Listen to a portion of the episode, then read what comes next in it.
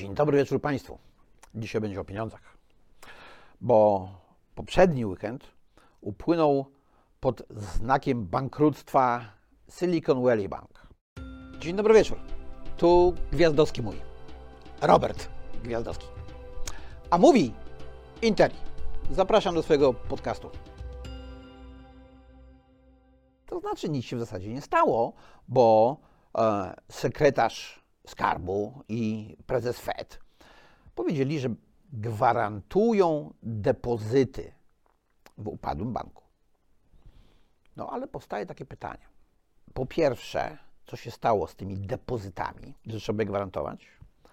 Po drugie, jak je się gwarantuje? Czym się je gwarantuje? Po trzecie, skąd te depozyty tam się wzięły? Bo to jest kluczowe dla funkcjonującego systemu bankowego. To świetnie też się wkomponuje w nasze dywagacje na temat stanu polskiego systemu bankowego, w szczególności w aspekcie e, spodziewanego, niekorzystnego dla banków orzeczenia CUE w sprawie kredytów frankowych. Otóż, kiedyś było tak, że e, jak chcieliśmy coś pożyczyć, i do dzisiaj zresztą tak jest, od sąsiada, to ten sąsiad musiał to mieć. Chcieliśmy pożyczyć młotek, to sąsiad musiał mieć młotek, żeby nam pożyczyć młotek. Jak chcieliśmy pożyczyć pieniądze, to sąsiad musiał mieć pieniądze, żeby móc pożyczyć nam pieniądze. Tymczasem, jak idziemy do banku, to bank nie musi mieć pieniędzy, żeby nam pożyczyć pieniądze. To jest taka ciekawostka. Bo jak idziemy do banku, żeby e, zdeponować w skrzynce bankowej, w depozycie bankowym, bardzo cenny dla nas młotek, mający znaczenie sentymentalne albo historyczne, no i chcemy go dobrze schować, no, możemy też sztabkę złota, ale zostańmy przy młotku, no to wkładamy ten młotek albo sztabkę złota do sejfiku, mamy kluczyk, możemy go wyjąć kiedy chcemy. A jak przynosimy do banku pieniądze i je tam wpłacamy do kasy, to one nie leżą w tym depozycie. Ich tam nie ma przez ten cały czas, na który jest ten nasz depozyt. Dlaczego ich tam nie ma? No bo one zostały pożyczone. One zostały pożyczone komuś, kto przyszedł, żeby z banku pożyczyć. No, myśmy zanieśli e, pieniądze do banku i nazywa się to depozytem, chociaż to nie jest depozyt, bo depozyt to był ten młotek, e, tylko to jest, no, pożyczka. Hmm? My pożyczamy pieniądze bankowi, żeby on dalej mógł pożyczać. Ale w systemie finansowym współczesnym nazywa to się po naszej stronie nie depozytem. No jak faktycznie pożyczyliśmy bankowi 100, e, no to bank powiedzmy obiecał nam, że nam odda 105 za jakiś tam czas. No i w rachunkach banku to wygląda tak. Bank ma aktywo w postaci tych 100, ma zobowiązanie na przyszłość te 5, co to nam ma oddać górką. Natomiast w pasywach ma nasz rachunek, który nam otworzył, na którym jest to 100, które myśmy do banku przynieśli. Ale przychodzi do banku następny klient i mówi: Drogi banku, wypatrzyłem u sąsiada samochód. Ma super, mam super okazję, chcę go kupić. Pożycz mi, bo teraz nie mam e, 100 tysięcy złotych. No i bank sprawdza, czy ten klient będzie w stanie mu oddać te 100 i oczywiście odsetki. Sprawdził, doszedł do wniosku, że przewidywalny e, przypływ pieniędzy u tego potencjalnego klienta będzie na tyle wysoki, że on może mu tego kredytu udzielić, zwłaszcza, że bierze zastaw na ten kupowany samochód. No i sytuacja jest następująca. Otóż bank wypłaca pieniądze temu, kto sprzedaje, ale niekoniecznie musi mu je wypłacać gotówką.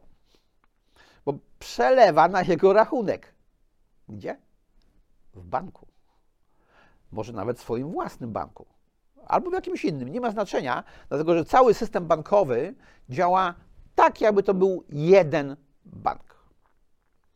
No i coś się teraz dzieje w księgowości banku. Bank ma aktywo. Cały czas ma aktywo. 100 tysięcy, co to ja przyniosłem do tego banku.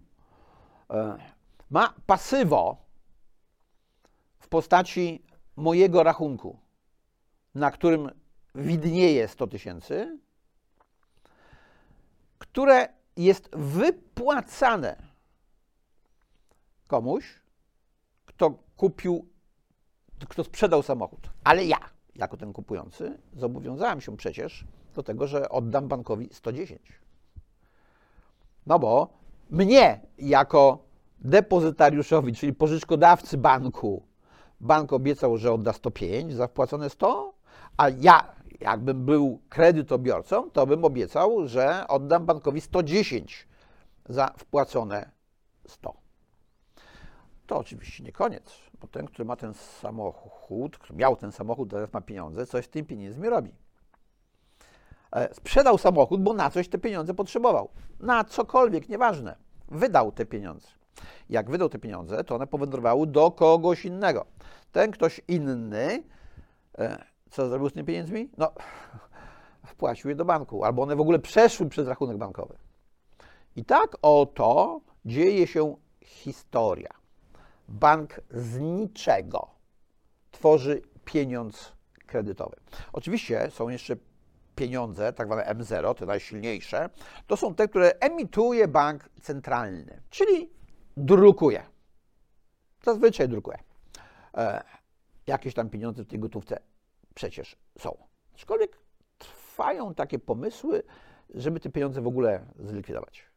Żeby karty kredytowe też zlikwidować, żeby dowód osobisty był połączony z tym kontem w banku, oczywiście dla naszej wygody. Tak samo jak dla naszej wygody stworzono ten chory system finansowy. Jego tworzenie było rozłożone na lata.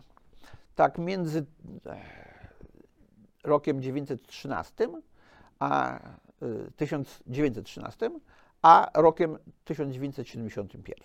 W roku 1913 e, utworzono FED. Skąd się wziął ten FED, czyli ten system rezerwy federalnej? Otóż z tego powodu, że kilka lat wcześniej, w roku 1907, e, zbankrutował e, Broker Trust Company.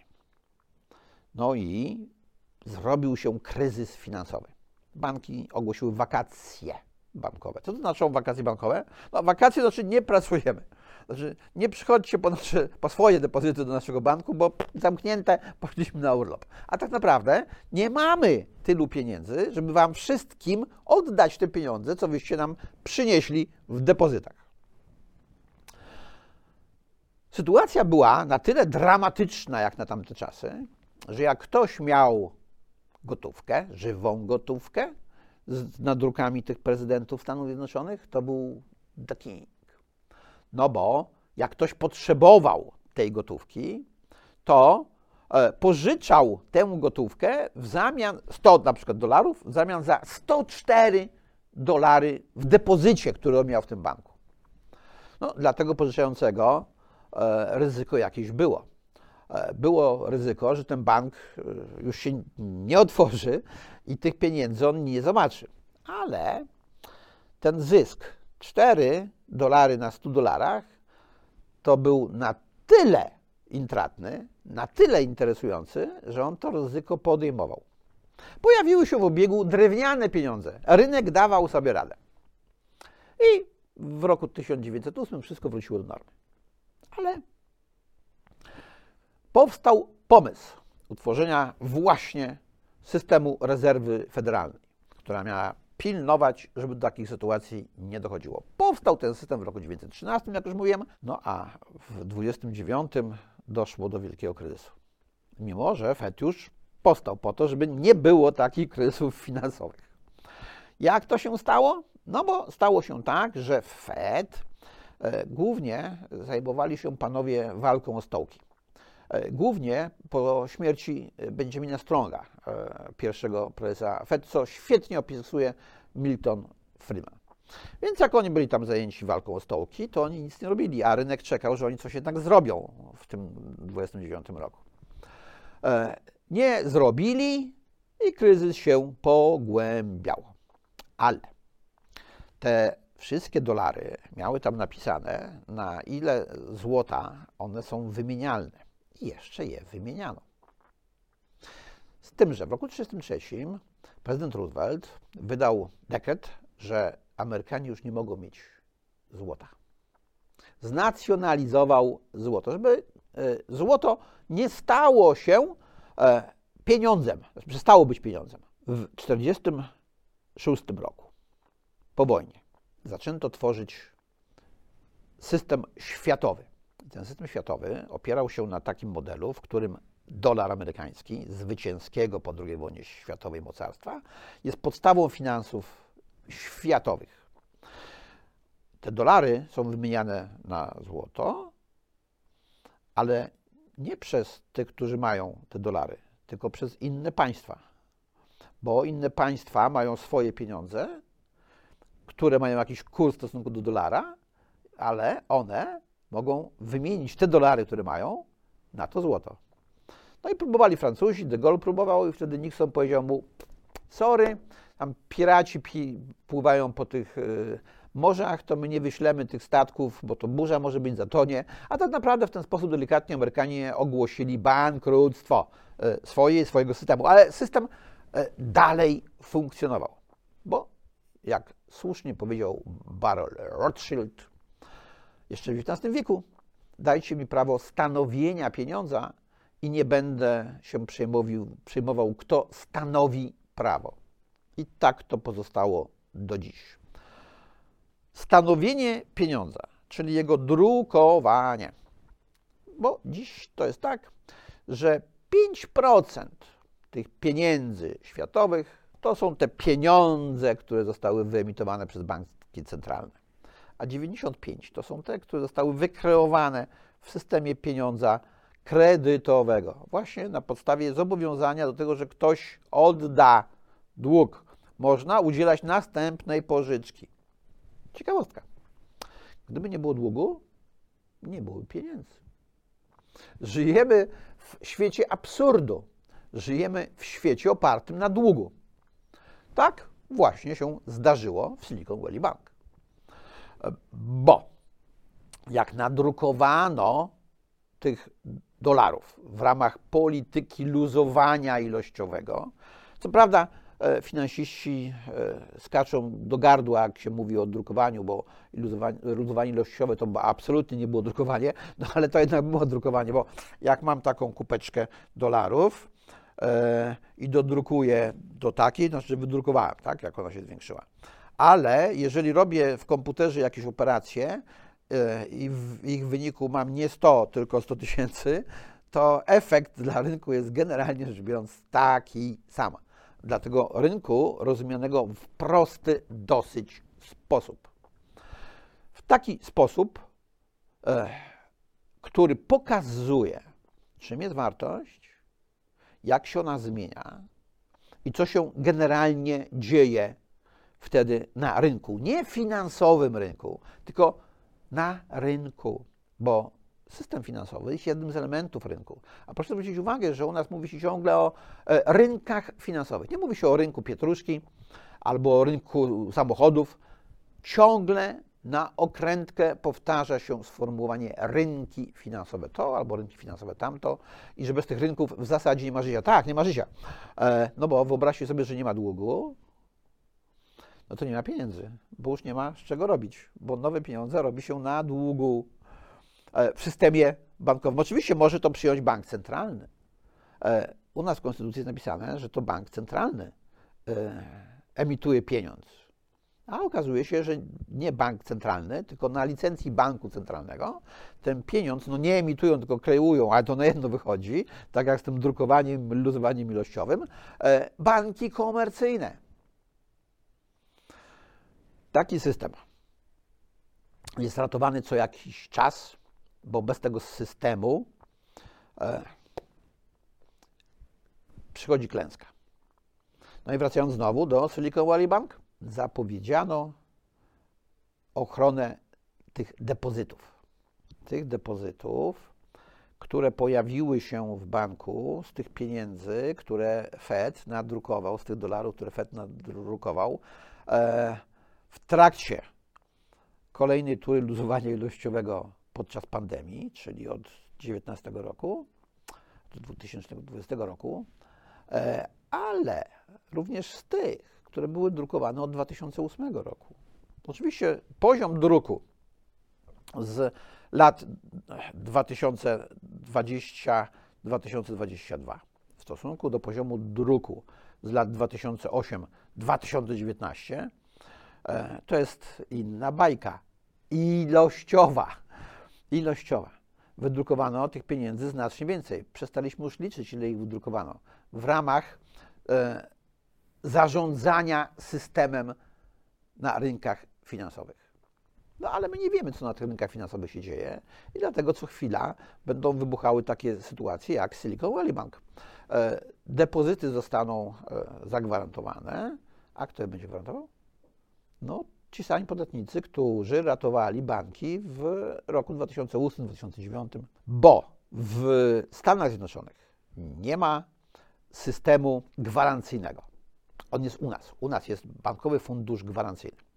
Więc e, jak coś się złego dzieje z bankiem, to w Polsce ratuje ten bank, Bankowy Fundusz Gwarancyjny, który ma pieniądze z banków, które muszą do niego odprowadzać odpowiednie opłaty. W Stanach musi od razu interweniować bank centralny, czyli Fed, z błogosławieństwem sekretarza skarbu. U nas jest Bankowy Fundusz Gwarancyjny, który jednak nie gwarantuje wszystkiego, bo proszę zwrócić uwagę, że jak zbankrutował Silicon Valley Bank, e, to zapowiedziano wszystkie depozyty są gwarantowane. A nasz Bankowy Fundusz Gwarancyjny e, nie gwarantuje wszystkich depozytów, tylko tych do 100 tysięcy euro. Jak miałeś więcej, to spadaj. Więc sami rozumiecie, że nie opłaca się trzymać więcej, że trzymanie więcej jest ryzykowne. Ryzykowne jest z tego powodu, że coś się może wydarzyć. E, co się może wydarzyć? No, kto przypuszczał e, dwa tygodnie temu, że może zbankrutować Silicon Valley Bank? Oni pewnie przypuszczali.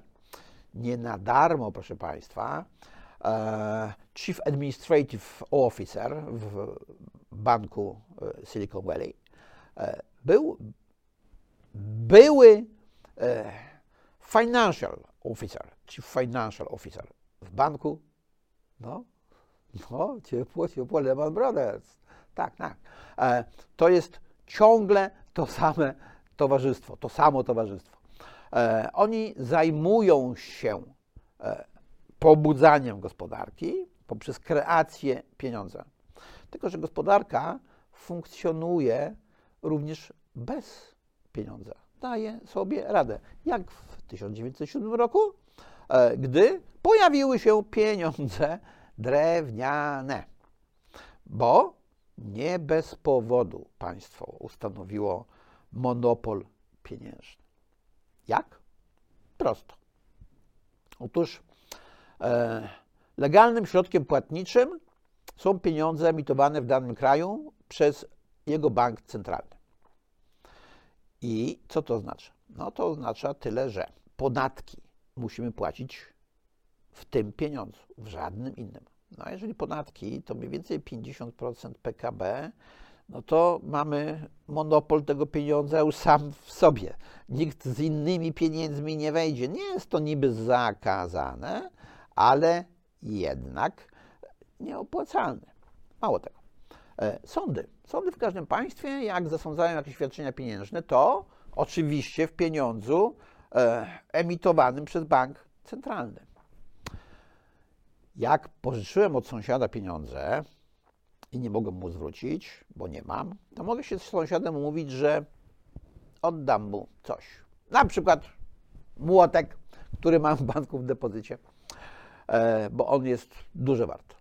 Jak sąsiad się zgodzi, jest ok. Ale jak sąsiad się nie zgodzi na ten młotek, e, no to wparuje do mnie komornik. I on wystawi ten młotek na licytację. Nie da sąsiadowi młotka. Wystawi go na licytację. Ta licytacja będzie tylko i wyłącznie w pieniądzu tym, który jest legalnym środkiem płatniczym. Jak już sprzeda ten młotek, to odda sąsiadowi, e, co mu pożyczyłem, no chyba, że młotek okazał się mniej wart niż to, co ja pożyczyłem od sąsiada. Jak sąsiad chciałby mi pożyczyć pieniądze, których nie ma, to ich wydrukować nie może. To nielegalne, pójdzie siedzieć. Ale jak bank chce mi pożyczyć pieniądze, których nie ma, to to jest legalne. Mimo, że on ich nie ma. On dopiero ma je mieć. Taki system funkcjonuje sobie i funkcjonuje, ale on nie może funkcjonować w nieskończoność. To kiedyś się musi zawalić. Tylko. Pamiętajmy teraz, że Ameryka jest daleko. E, a polskie banki są blisko. Polskie banki odnotowały w 2022 roku rekordowe zyski. 13 miliardów złotych. No i świetnie. Tylko skąd się wzięły te zyski? No te zyski wzięły się głównie z tego, że podwyższono stopy procentowe. Bank Centralny, Narodowy Bank Polski podwyższył stopy procentowe. A dlaczego Narodowy Bank Centralny podwyższył stopy procentowe? Ano dlatego, że wcześniej nadrukował kupę pieniędzy. W związku z tym pojawiła się inflacja. Więc jak się pojawiła inflacja, to trzeba było e, dokonać posunięcia, żeby ograniczyć dostępność, żeby podrożały te pieniądze. Bo jak pieniądze drożeją, E, no to ich dostępność jest mniejsza. Zresztą w Stanach było dokładnie tak samo. E, Silicon Valley Bank skarżył się na to, że podwyżka stóp procentowych przez Fed doprowadziła do tego, że aktywa, które on miał, musiał przecenić. Bo podwyżka stóp procentowych spowodowała, zmiany kursów obligacji i innych aktywów znajdujących się w banków, między innymi tych kryptowalut. E, w Polsce jest podobnie. Polscy banki też mają jakieś swoje aktywa. Wśród tych aktywów to są głównie, no, no, no, kredyty, znaczy zobowiązania do spłaty kredytu. Generalnie rzecz biorąc, część kredytobiorców kredytów nie spłaca. I to jest tak w kalkulowane w ryzyko. Dlatego wszyscy inni muszą płacić troszeczkę większe marże, troszeczkę większy procencik. No bo wiadomo, niektórzy nie spłacą. Trzeba będzie windykować, to kosztuje. E, nawet po windykacji e, nie wszystko się ściągnie. Ale teraz się okazuje, że nie będą spłacać tych kredytów, z odsetkami oczywiście, e, nie przypadkowi kredytobiorcy, tylko cała grupa. Chodzi o kredytobiorców frankowiczów. I tu pojawia się BFG, Bankowy Fundusz Gwarancyjny w kontekście Getin Banku, bo e, kredytobiorcy mają pretensje do BFG, że on e, nie chce im wypłacić tego, co Getin Bank w świetle orzecznictwa sądowego powinien im zapłacić. No ale, proszę Państwa, BFG to są pieniądze wszystkich innych klientów banków, bo banki na ten BFG się zrzucają. Okazuje się zatem, że jak zbankrutował bankster w postaci Getin Banku, no to nie ten Getin Bank ma zapłacić, e, no tylko BFG. To jest mechanizm zabezpieczania płynności na całym rynku finansowym. Ale to wcale nie jest idealny mechanizm. Bo ten mechanizm powoduje, że ryzyka są różnie rozłożone.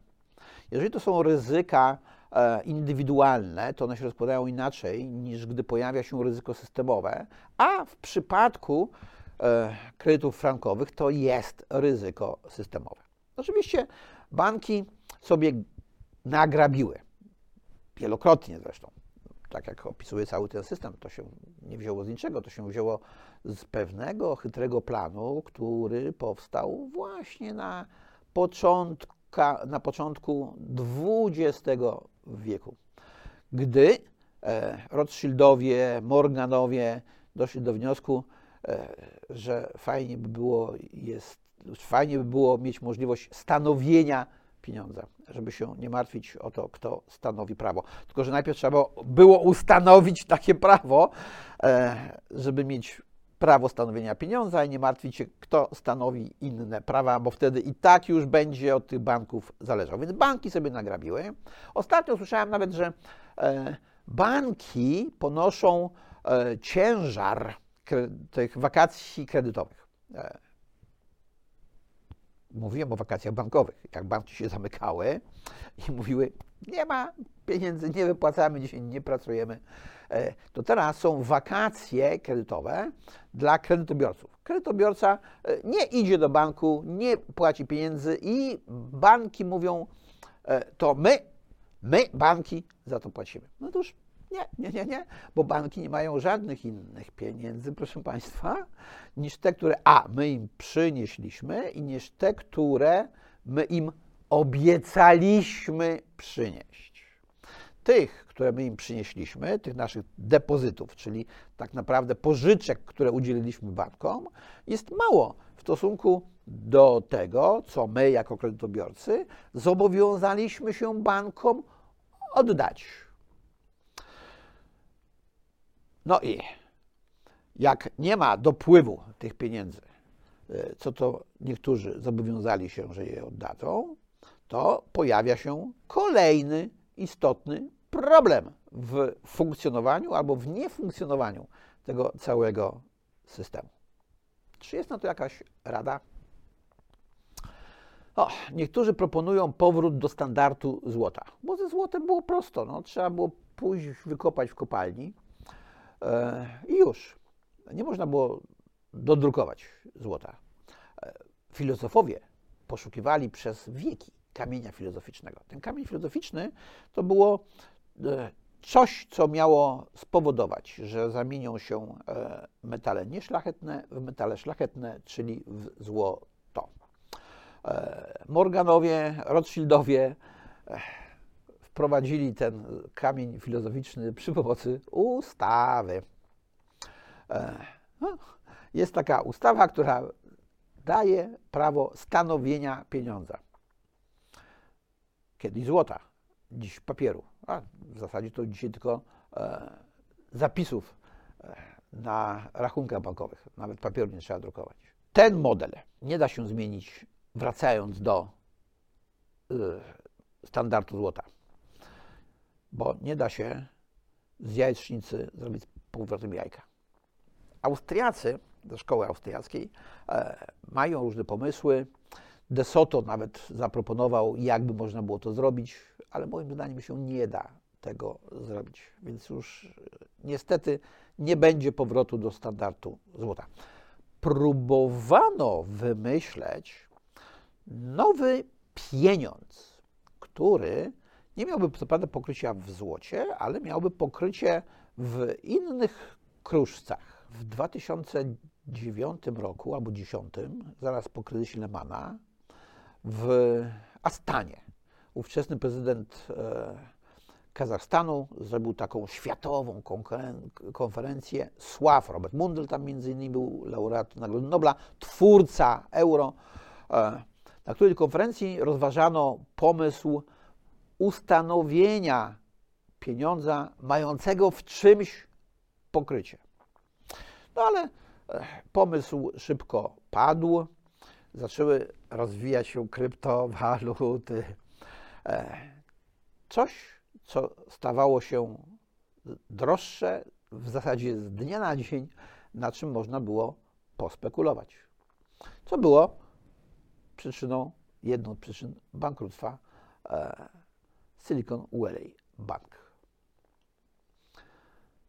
Jesteśmy niewolnikami tego systemu, również i z tego powodu, że państwo robi wszystko, żebyśmy my potrzebowali kredytu.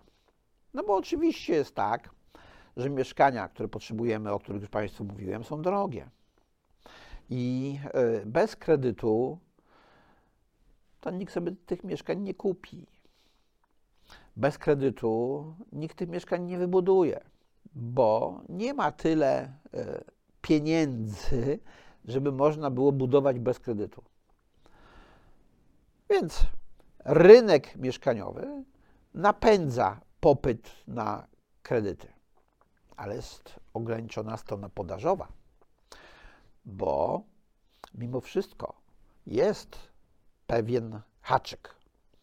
E, no te 5%. Wartość tych depozytów w stosunku do kredytów e, musi mieć jakiś poziom. W niektórych państwach w ogóle już go nie ma. W niektórych ten przelicznik to jest o wiele wyższy, no ale w niektórych trzyma się jeszcze jakoś e, ryzów. Oczywiście, abyśmy wszyscy poszli wypłacać nasze depozyty z banku, to byśmy ich nie dostali. Więc cały ten system chodzi na zasadzie takiej, że nie wszyscy pójdą naraz. E, a jakby wszyscy poszli, no to można by było zrobić tak jak kiedyś, w 1907 roku. Powiedzieć wakacje bankowe, zamykamy, nie płacimy. Aczkolwiek e, na to też był myczek, proszę Państwa. Był taki jeden bankier wtedy, który jak wybuchł ten kryzys, powiedział swoim pracownikom: sprawdzajcie wszystkie papiery, jak przychodzą klienci po swoje pieniądze. Bo oczywiście, jak rozeszła się plotka, e, że banki bankrutują, to ludzie polecieli stanąć w kolejce po te pieniądze. No i jak stanęli w tej kolejce, e, no to się najpierw pieklili bardzo, że mają okazać stosowne dokumenty, że on no, to on. No przecież panie, e, ja tutaj od 10 lat w tym banku jestem, od 10 lat pan mnie obsługuje, przecież pan wie, że ja to ja. Teraz są inne przepisy. Przeciągano te procedury, ale wypłacano pieniądze. Więc ci, co stali na końcu kolejki, widzieli, że ludzie wychodzą z pieniędzmi. E, obsłużeni, zadowoleni. Więc panika trochę zelżała a jednocześnie załatwiono sobie, że przyjechały pie, takie samochody e, z mennicy z workami. W tych workach, za przeproszeniem, był papier, a nie żadne pieniądze.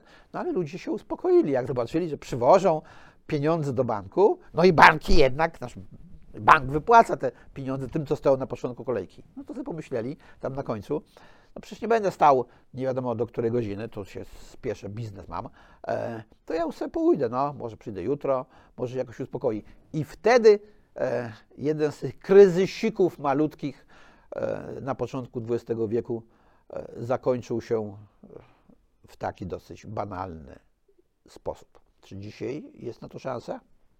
No nie, bo e, nie zamykamy okienka w banku, musimy zamknąć aplikację. Więc ci klienci, którzy przyszli do Silicon Valley Bank po swoje pieniądze, ich nie dostali, po prostu musiał interweniować Fed e, i sekretarz skarbu. No i ci, którzy przyszli do zbankrutowanego Getin Bank po swoje pieniądze, yy, też ich teraz nie dostaną. To jest zły system, proszę Państwa. Zły. No ale w ogóle nie ma pomysłów na to, jak go można naprawić. Co się wydarzy do przyszłego tygodnia? Może znowu ktoś zbankrutuje? Zobaczymy. Nie wiem, o czym będę jeszcze mówił. Na dzisiaj to wszystko. Dziękuję bardzo. Do zobaczenia i do usłyszenia. Na dziś to już by było na tyle. Dziękuję bardzo i zapraszam na następny odcinek.